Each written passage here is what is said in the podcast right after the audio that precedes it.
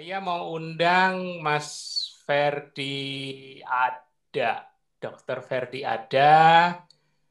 Halo Mas. Halo. Hei, Mas Ferdi. Ini, ini, ini di Padang loh. Eh di Padang bener kan? Padang ya, Eh Bukit Tinggi. Bukit Tinggi. Bukit Beda ya, iya, sorry. Di Bukit Tinggi loh nih. Jauh-jauh kita impor dari Bukit Tinggi. Tapi belum belum rendang ini rendangnya Bukit Tinggi, yang asli Bukit Tinggi, rendang yang bakarnya masih pakai arem. Aku Oh. pernah sedikit itu top banget, top banget. Di kampung saya tuh Pak. Dijauh Iya, lagi memang- dari Bukit memang- Tinggi. Memang memang yang yang yang pakai arem itu justru yang perkampungan bukan yang kotanya. Iya. Itu tapi itu yang luar biasa enaknya dan itu aku jarang banget dapat dapat kiriman kalau jadi ada saudara dari mertuaku ngirim tuh pasti aku bilang, "Ah, ada yang ada yang asli Bukit Tinggi." Wah, itu itu nggak tahu. Orang bilang katanya sama kalau bilang enggak beda. Rasanya juga beda walaupun bumbunya sama beda cara masak itu. Luar biasa. Mas Tio pagi-pagi. oh iya pagi-pagi ya? Sorry sorry. Pagi-pagi dan bikin killer sorry sorry. Oke, silakan Mas Ferdi. Silakan ayo ya. monggo Mas Fendi lanjut ke itunya ke materinya. Assalamualaikum warahmatullahi wabarakatuh. Saya Dr. Ferdi Adha, spesialis saraf Mars dari Bukit Tinggi, tepatnya di Rumah Sakit Stroke Nasional Bukit Tinggi.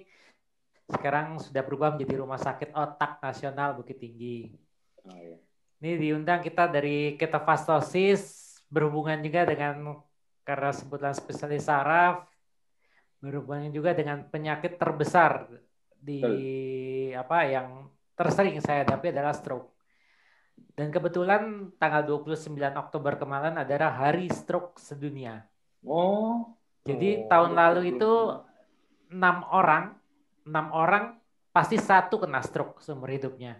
Nah Iya. sekarang tahun ini jadi dari empat orang pasti satu orang terkena stroke.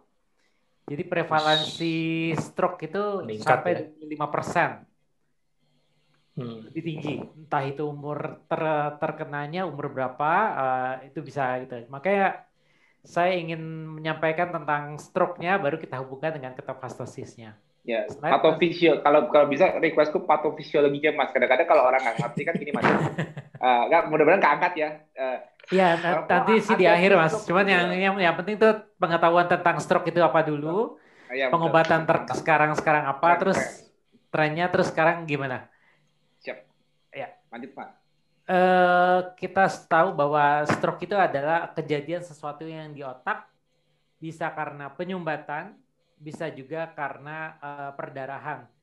Sehingga pasokan darah ke otak terputus sehingga terjadilah kematian sel-sel pada sebagian area otak. Otak yang sudah mati tidak akan bisa hidup kembali. Jadi seperti kita kecelakaan, tangan kita putus, atau misalnya orang pada pasien DM terus akhirnya diamputasi, apakah bisa tumbuh lagi? Jadi jawabannya tentu tidak. Makanya kalau misalnya sudah terkena stroke, jadi bukan bukan apa? Bukan dia bisa dia sembuh seperti semula, tapi adalah mempertahankan yang ada dan juga eh, mencegah untuk kejadian berikutnya. Nah, inilah. Jadi begitu kita kena stroke, kita harus cepat ke rumah sakit ya apa sih gejala stroke yang gampang tuh kita apalin dengan FAST F A S T FAST face mulut mencong. Mulut mencong tangan lemah sebelah tangan atau kaki bicara pelo dan time. Time itu waktu. Waktu yang segera ke rumah sakit. Karena kenapa sih lebih cepat lebih baik? Jadi eh, sampai ada istilah time is brain. Waktu adalah otak jadi berapa kalau misalnya gini, sawah eh, pematang sawah, terus tiba-tiba sawah yang sedang butuh air kita sumbat dengan sampah. Akhirnya kan lama-lama kekeringan. Lama-lama bisa mati sebagian, sawah-sawahnya bisa mati seluruhnya kalau terlalu lama. Nah, otak otak tuh butuh waktu segera mungkin. Lebih cepat, lebih baik. Ini ada Sirirat Stroke Score. Apabila kita misalnya rumah sakit kita jauh di di daerah kecil bahwa tidak ada tempat CT scan, kita bisa pakai Sirirat Stroke, Stroke, Stroke Score untuk membedahin membedakan bahwa ini stroke perdarahan atau stroke sumbatan karena dua-duanya punya penanganan yang berbeda. jadi jawabannya kalau misalnya ada stroke, pasien ini stroke, ada gejala mencong sebelah, kelemahan sebelah, eh, apa satu lagi bisa apa eh, bicara pelo atau tidak keluar suara, maka segera ke rumah sakit. Kita harus membedakan dulu ini stroke eh, perdarahan dengan sumbatan dengan CT scan, ya. Jadi itu nggak ada tuh hoax yang menyatakan bahwa kalau kita kena stroke ditusuk ujung jari, ditusuk ujung telinga, ditusuk ujung hidung, itu itu semuanya hoax, ya. Nah, eh, jadi segera mungkin ke rumah sakit. Kalau misalnya ya ini yang kalau kita lakukan di di rumah sakit, kita pasti akan mengukur tekanan darah, kita pasang infus. Jadi di kita berikan oksigen. Jadi tidak bisa semuanya dilakukan di puskesmas atau di uh, di rumah. Jadi judulnya begitu penanganan stroke jangan diskusi macam-macam, langsung bawa ke rumah sakit.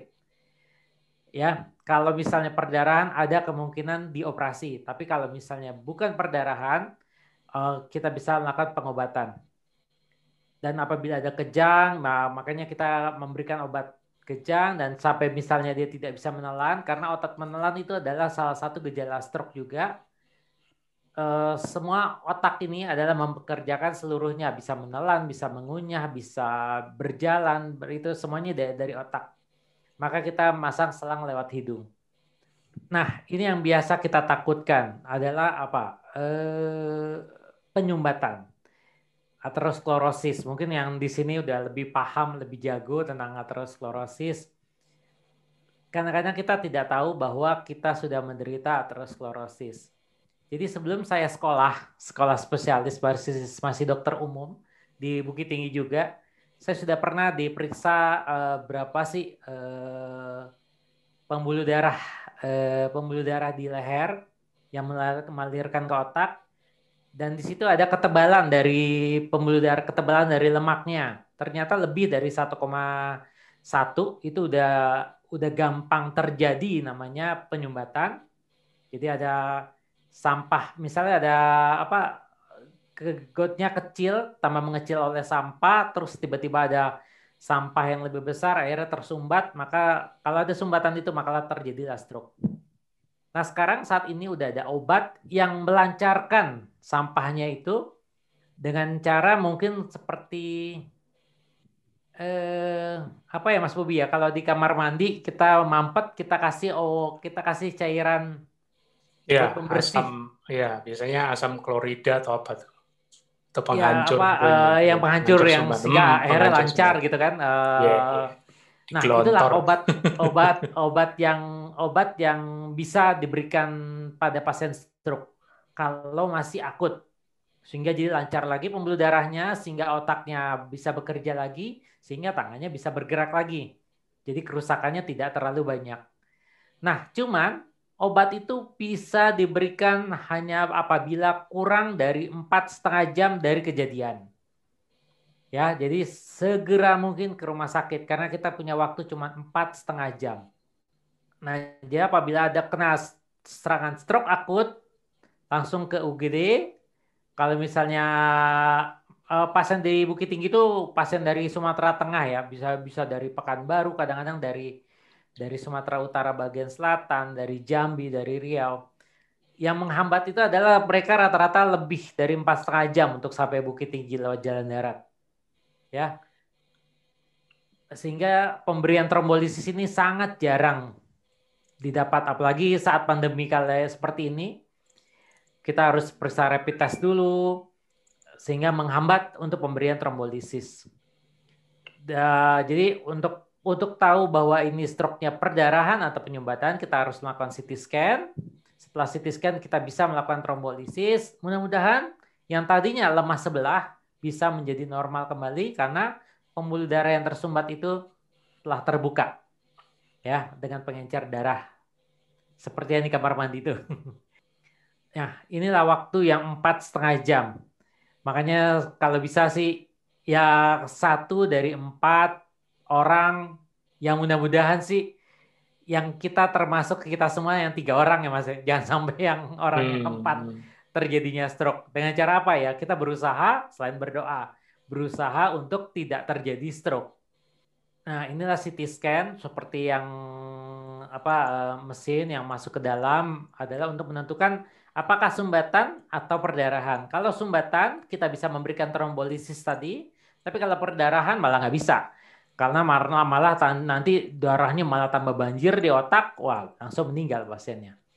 Jadi emang sangat hati-hati pemberian trombolisis itu. Selain waktu dan juga CT scan yang pasti bahwa tidak ada uh, perdarahan atau bukan penyakit tumor misalnya.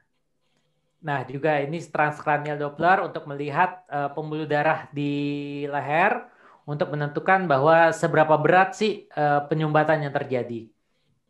Ini yang karotis yang saya periksa sebelum saya ngambil spesialis. Dilihat bahwa pembuluh darah apa, apa yang aliran merah itu adalah pembuluh darah, tepi-tepinya itu apabila uh, terjadi perlemakan maka tambah tebal sehingga darahnya semakin kecil. Sehingga apabila tensinya juga tinggi juga akan mempengaruhi bisa pecah pembuluh darah di otak. Oleh karena itu pemberian pemeriksaan karotis ini juga sangat penting. Tapi alhamdulillahnya, alhamdulillahnya setelah saya KF, setelah saya eh, saya diperiksa kembali karotisnya, lemak yang di pembuluh darah itu mengecil. Uh, apa mengecil ternyata ya selama ini saya tidak tahu teorinya tapi setelah saya ikut KF bahwa terjadi uh, lemak itu akan melekat apabila glukosa di daerah kita tinggi.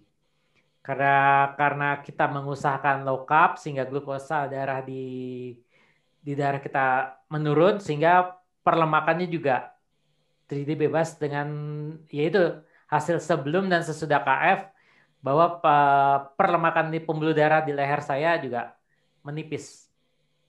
Uh, uh, lanjut ini TMS. TMS itu apabila sudah terkena maka kita rangsang uh, saraf otak yang semi rusak ya belum merusak sekali untuk mendapatkan perbaikan.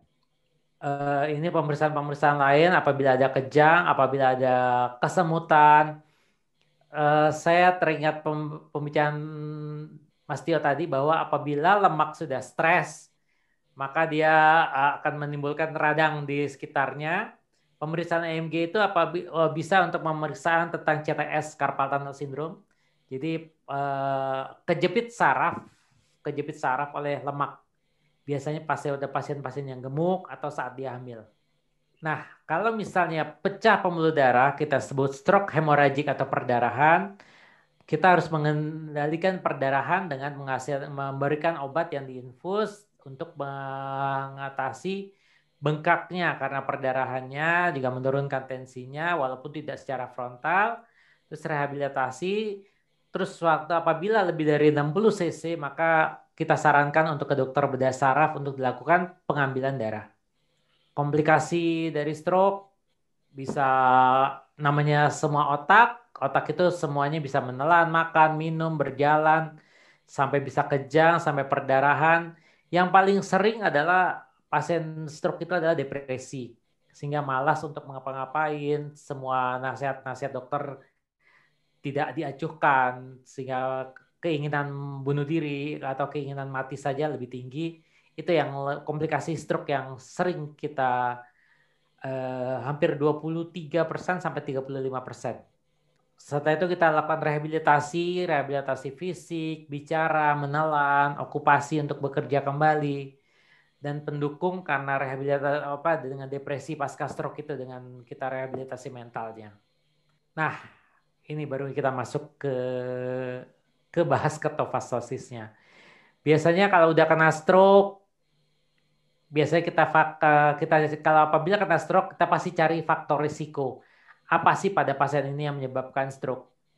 Saya sebelum KF adalah saya risiko saya adalah saya penderita hipertensi, keluarga saya eh, ayah ibu saya penderita diabetes, kolesterol saya selalu tinggi karena saya tinggal di Bukit Tinggi dan berat badan saya naik, untung saya tidak merokok dan saya stres saya tinggi, ya stres waktu sekolah, waktu apa. Saya pikir saya bakalan bisa kena stroke karena semua faktor risiko saya punya. Kolesterol saya naik dan saya tetap makan obat kolesterol. saya makan obat darah tinggi, saya keluarga saya, ayah ibu saya penderita diabetes, berat badan saya naik. Makanya saya untuk dikenalkan bertemu dengan dokter Eka Musidarta spesialis saraf juga, kamu harus kamu mau kena stroke atau kamu mau hindari stroke dengan mencegah faktor resiko. Setelah saya mengikuti ketofastosis, tiba-tiba saya nggak butuh lagi obat darah tinggi, diabetes pasti eh, HbA1c saya langsung drop turun. Saya ter saya tidak lagi takut dengan kolesterol karena kolesterol itu menjadi tenaga bukan lagi gula dan berat badan saya turun dan saya memang tidak merokok dan stres saya jauh berkurang karena saya mematuhi 5 KF. Cukup tidur, hindari stres, puasa, eh, makan full hewani, satu lagi apa ya? Ada lima pilar ketofastosis. Nah, dulu waktu sebelum saya KF, saya pengen merubah gaya hidup. Kalau buat-buat saya nasihati pasien, biasanya saya suruh kasih rendah gula, rendah lemak, rendah garam, tinggi serat, olahraga teratur. Dan semua tidak saya lakukan. saya sebagai dokter menasihati pasien bisa, tapi saya sendiri tidak melakukan. Karena apa? Saya tinggal di Bukit Tinggi. Kalau misalnya hmm. rendah gula, rendah lemak, rendah garam, tinggi serat, saya makan apa? Kalau saya makan di Bukit Tinggi, cuma saya makan nasi dengan daun singkong. nggak nendang ya dok ya? Enggak nendang.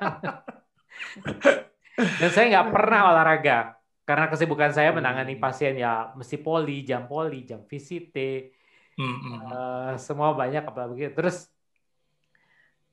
pas pemeriksaan biasa kita di rumah sakit kita ada namanya stroke check up jadi emang check up untuk apakah terindikasi untuk jadi stroke atau enggak. Kita sebut stroke check up ah saya kena semua tuh.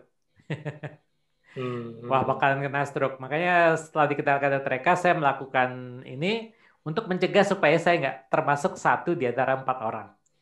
Uh, ini pelayanan neurorestorasi. Uh, saya tertarik tadi dengan Dokter Rita bahwa memang apa uh, yang fagosit yang di mitokondria bahwa fagositosis ternyata memang otak yang uh, selama ini bahwa neurogenesis pembentukan saraf baru itu bisa sih bisa tapi lama dan perlu waktu sebenarnya kalau misalnya neurogenesis jadi pembuatan pembuatan sel otak baru, sel otak sendiri adalah dari isinya hanya kolesterol.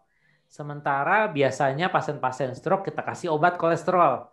Jadi pembuatan sel otaknya dari mana? Kalau misalnya kita tidak kita memberikan uh, kita mengurangi lemak dan memberikan obat kolesterol. Sehingga neurogenesis pembentukan neuron sel-sel saraf baru juga nggak akan bisa Ya, ya makanya ini yang sangat bertentangan dari ketofastosis sama uh, dokter saraf pada umumnya. Hmm. Mungkin nanti pasti bisa membahas lebih lanjut. nah, uh, saya sih berusaha dan berdoa tentu saja bahwa saya bukan satu di antara empat orang yang terkena stroke. Jadi kalau sudah kena stroke, kita cuma bisa apa? Mengembalikan kemampuan maksimal dan kemandirian pasien karena stroke gitu loh. Jadi kalau misal kena stroke-nya, misalnya, ini misal kayak lahirnya nggak punya tangan, nggak punya kaki, suruhkah dia berjalan dengan kaki dan tangan kan nggak mungkin, ya. Hmm. Jadi apa yang bisa dilakukan oleh pasien semaksimal mungkin itu yang kita usahakan supaya berusaha maksimal.